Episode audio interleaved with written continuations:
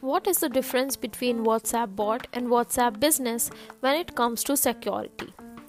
Both applications have end to end encryption for messages, so there is no need to worry about security.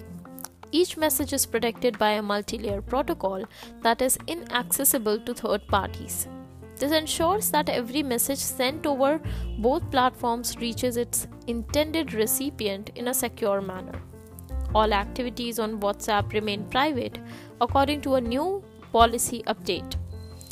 WhatsApp is unable to read your messages, hear your calls, or view your location or file attachment. The first is profile of the individual. In both apps, user profiles differ. You may use WhatsApp Business to display your firm's name, logo, category, website URL, product catalog, company's description, location, and working hours. The WhatsApp personal app profile part, on the other hand, just contains information about the section, name, display photo, and phone number. The second is statistics on messages.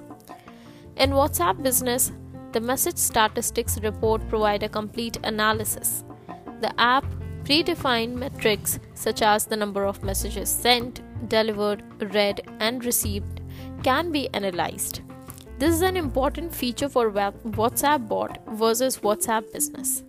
What is good for your business owners because they may use a dashboard to analyze account performance. The message statistics report in WhatsApp Personal Messenger is limited. The third is create a connectivity profile. Click to chat links, QR code connections, and even phone number interactions are all supported by both apps. This function is best used for personal or business WhatsApp conversations. To be successful in a company, you must have a strategy for connecting with your customers and guiding potential leads through the marketing funnel as quickly as possible in order to close sales.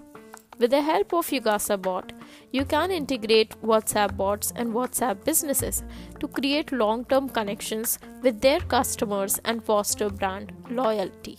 Thank you.